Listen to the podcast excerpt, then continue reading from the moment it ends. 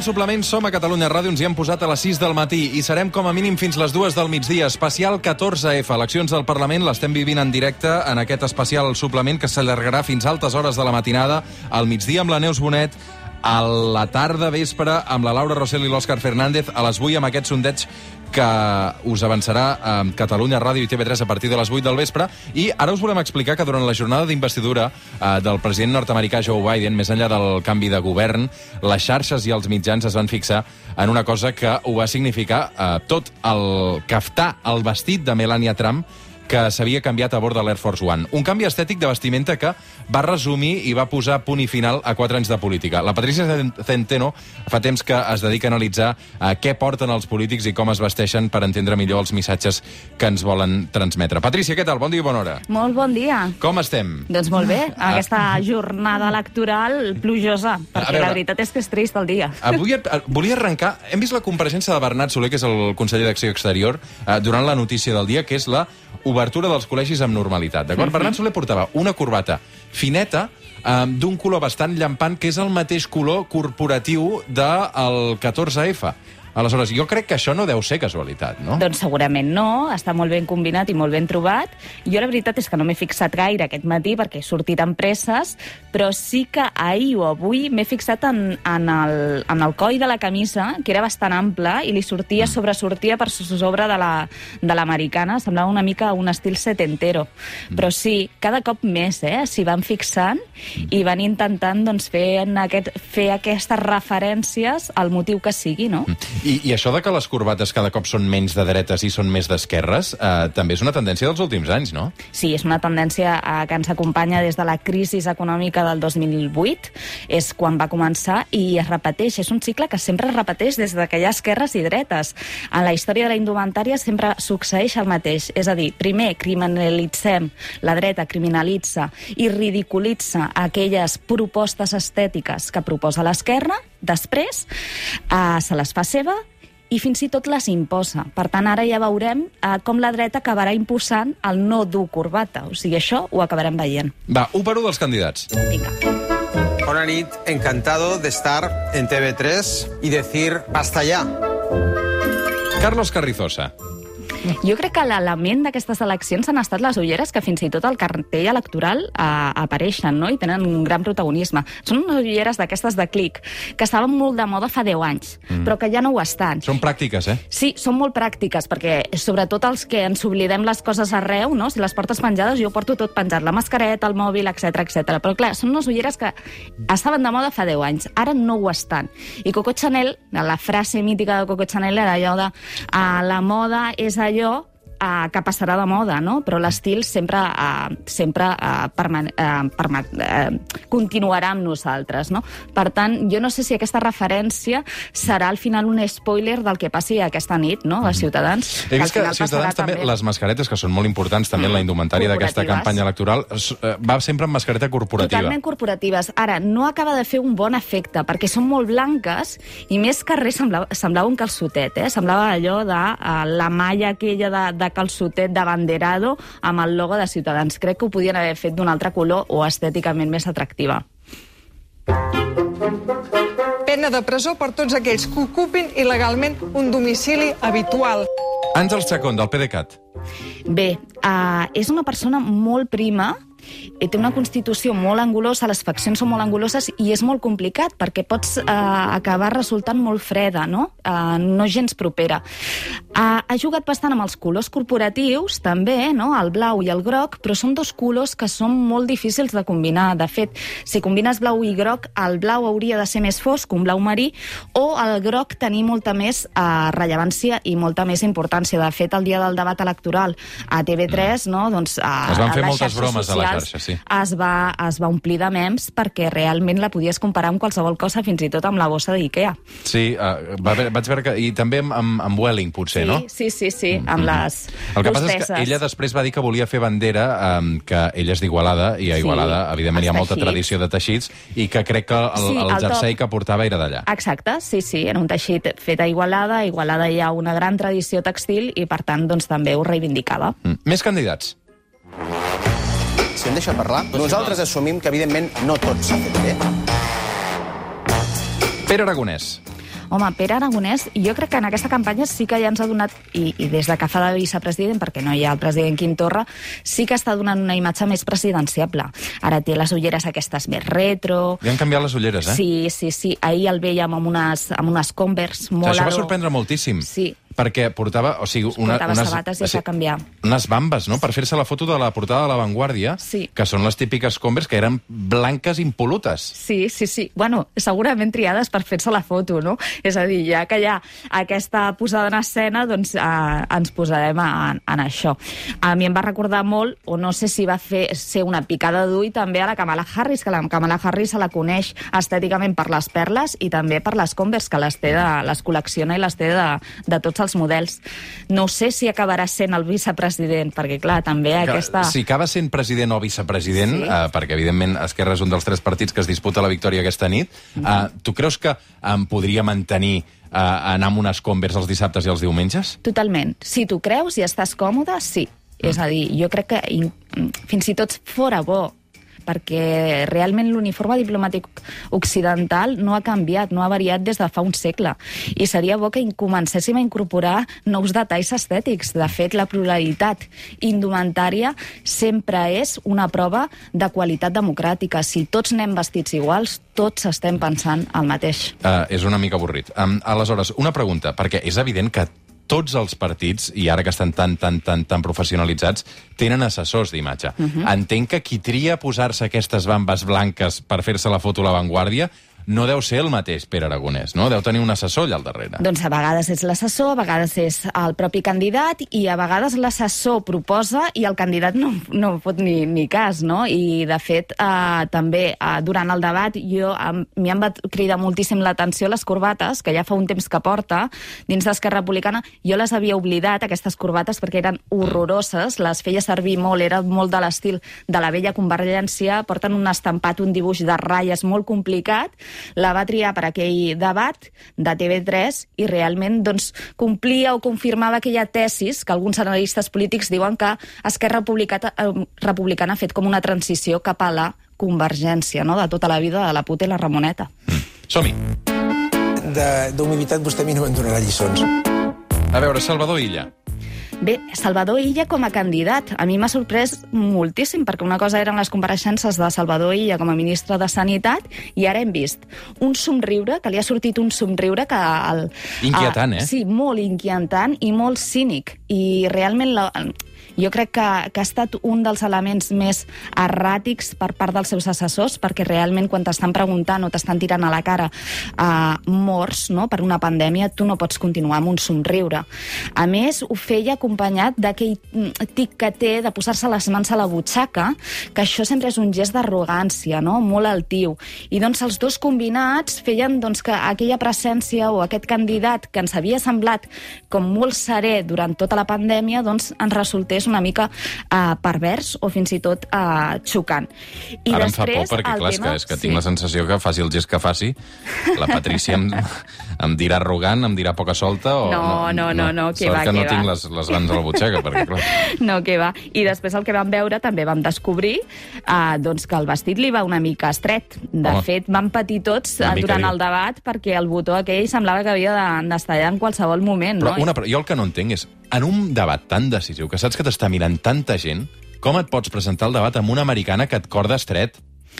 Doncs no ho sé, perquè de fet el que has de fer sempre quan te'n proves la roba, això tant dones com a homes, sobretot si has de després eh, comunicar i gesticular, és emprovar-te la roba i començar a fer moviments. Si, si et permet eh, fer els gestos correctament, doncs aquella roba és l'apropiada, a no ser que siguis una persona que gesticula massa mm -hmm. i doncs una altra una recomanació d'assessor normalment és doncs, que la roba et vagi molt, no estreta, mm -hmm. però sí que molt a, a la teva mida perquè intenti regular o intenti restringir els moviments que, que, dels que abuses. Hi ha una cosa que he, he pres tard, eh, Mm-hmm. d'edat, eh, però que també m'he fixat molt amb el que anaves explicant tu aquests dies, i és que un cop estàs dret, eh, t'has d'acordar el botó. I tant, sempre, sempre, De l'americana, sempre, eh, dic. sempre. Això tots els homes, eh? Tots els homes. Les dones no passa res perquè normalment acostumem a portar blazers. Per què passa això? Perquè és, fins i tot, no és un, una marca de protocol o una exigència de protocol, sinó que és el propi patró de l'americana està fet perquè de peu es cordi el botó i quan s'asseu l'home, doncs es descordi. I sempre és per intentar tapar la corbata. La corbata, en, en llenguatge indumentari, té una simbologia o fa una referència fàl·lica i, per tant, mai s'ha de veure Ai. la punta final de la corbata. Mm. La punta tapada. Sí. Sempre. Vostè vol convertir Catalunya en l'Andorra del Sud i vol seguir el model del paradís fiscal de la senyora Ayuso. A veure, Jessica Albiach.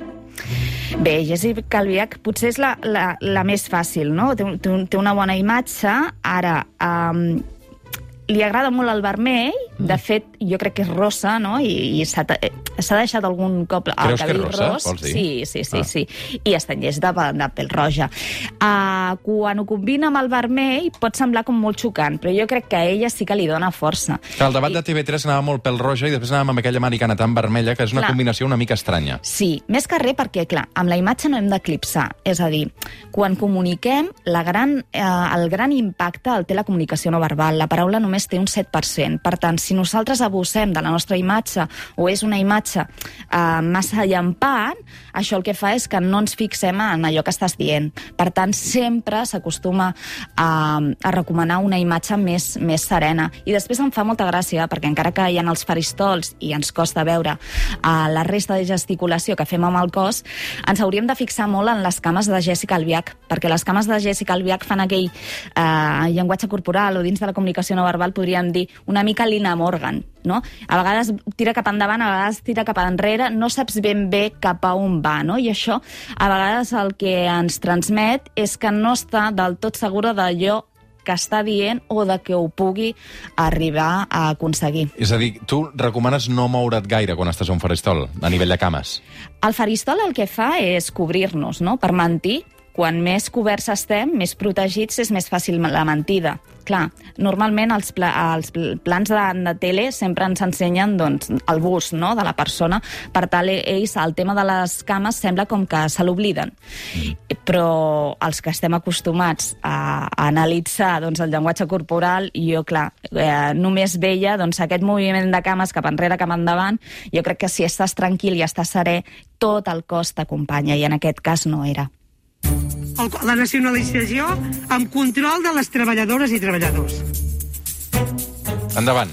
Dolors Sabater. Bé, Dolors Sabater, jo crec que és allò de, de la coherència, no? En, a, quan parlem d'imatge, i sobretot d'imatge política, no és tan important si ens, agrada unes, si ens agrada com van vestits o no, sinó si és coherent. Coherent amb allò que ens està traslladant amb la seva ideologia i amb el seu missatge verbal. En aquest sentit, doncs és coherent. Hi ha peces de roba que sí que demostra que tenen certa qualitat, aposta molt pel negre, almenys durant, durant aquesta campanya, i molt natural, sense maquillatge, doncs el cabell blanc... Jo crec que és coherent amb, amb les sigles del seu, del, del seu partit d'ara. El que passa és que uh, el debat de TV3 va fer patir una mica perquè se la, veia, se la veia visiblement molt nerviosa, no? Moltíssim, moltíssim, moltíssim. Estava molt nerviosa quan va arribar i estava molt nerviosa, de fet, tremolava la boca i tremolaven les mans, no? Els debats s'han de preparar, els televisius, els radiofònics podem passar una mica més desapercebuts, però aquesta por escènica s'ha de treballar, és a dir, igual que et prepares el discurs verbal, no? les propostes t'has de preparar també com acompanyaràs aquell discurs, no? I, i, i millorar doncs, tots els gestos que al final són els que realment ens transmeten i ens comuniquen. I el que fa patir eh, molt tots els candidats eh, és el minut final, perquè és que no hi ha manera de fer-ho bé, aquell minut. Doncs- És molt difícil, no? Per molt que la... I mira que allò es pot assajar 27 vegades davant d'un mirall a casa. L'alt- L'altre dia la Jessica Albiach ho, fa, ho va fer molt bé, el Pere Aragonès crec que el de la Sexta també va estar bé. Jo crec que el secret és no mirar els papers. És a dir, això és com si et declaressis li, de- eh, o li demanessis per casar a la persona que estimes i estiguessis mirant un, un paper o li estiguessis demanant disculpes a algú i haguessis de mirar un paper. Si és sincer, mira'ls als ulls. I en aquest cas has de mirar els ulls de la càmera. Va, uh, un parell més de candidats. No estamos en las cruzadas, ni usted ni yo somos No, no, caballeros la templarios. poli- Relájese un poco. A veure, Alejandro Fernández del Partit Popular. A mi Alejandro Fernández és allò que sempre penso que en qualsevol moment s'arrencarà i em cantarà una ranxera, no? A més, crec que aquesta nit Uh, si es compleix com quedarà i crec que té, té la cançó uh, ideal, ja ho veurem. Però realment, uh, bé, és d'aquells homes que mai, jo crec que mai s'ha posat un, un vestit complet. Uh, si ens fixem, sempre porta els xinos, que serien com els jeans de, de la dreta. Sí, so, són molt uns pantalons del PP, no, aquests? Sí, sí, sí, sí. Molt de la, de la dreta conservadora, una mica rància. Eh, bueno, ho acompanya amb les americanes i, com tota la dreta, no, que parlàvem de no porten corbata, però també té tendència a portar més d'un botó de la camisa eh, descordat. No? I això no allò- et convenç? no, a mi, bueno, jo sempre ho catalogo de pecho lobo, no? Mm. I de fet, doncs, bueno, és aquest... I a més també la postura, no?, de, que acompanya Alejandro Fernández, que és treure molt de pit, per això fa la sensació aquesta de que s'hauria d'arrencar amb, amb la ranxera o amb un cante hondo. El que passa és que uh, va fer un debat de TV3, tots els experts coincideixen, espectacular. Sí, sí, sí. sí. Bueno, jo crec que tan espectacular, vull dir, l'altre dia em comentaven si, si tenia carisma Alejandro Fernández. Aviam, va ser una bona nit.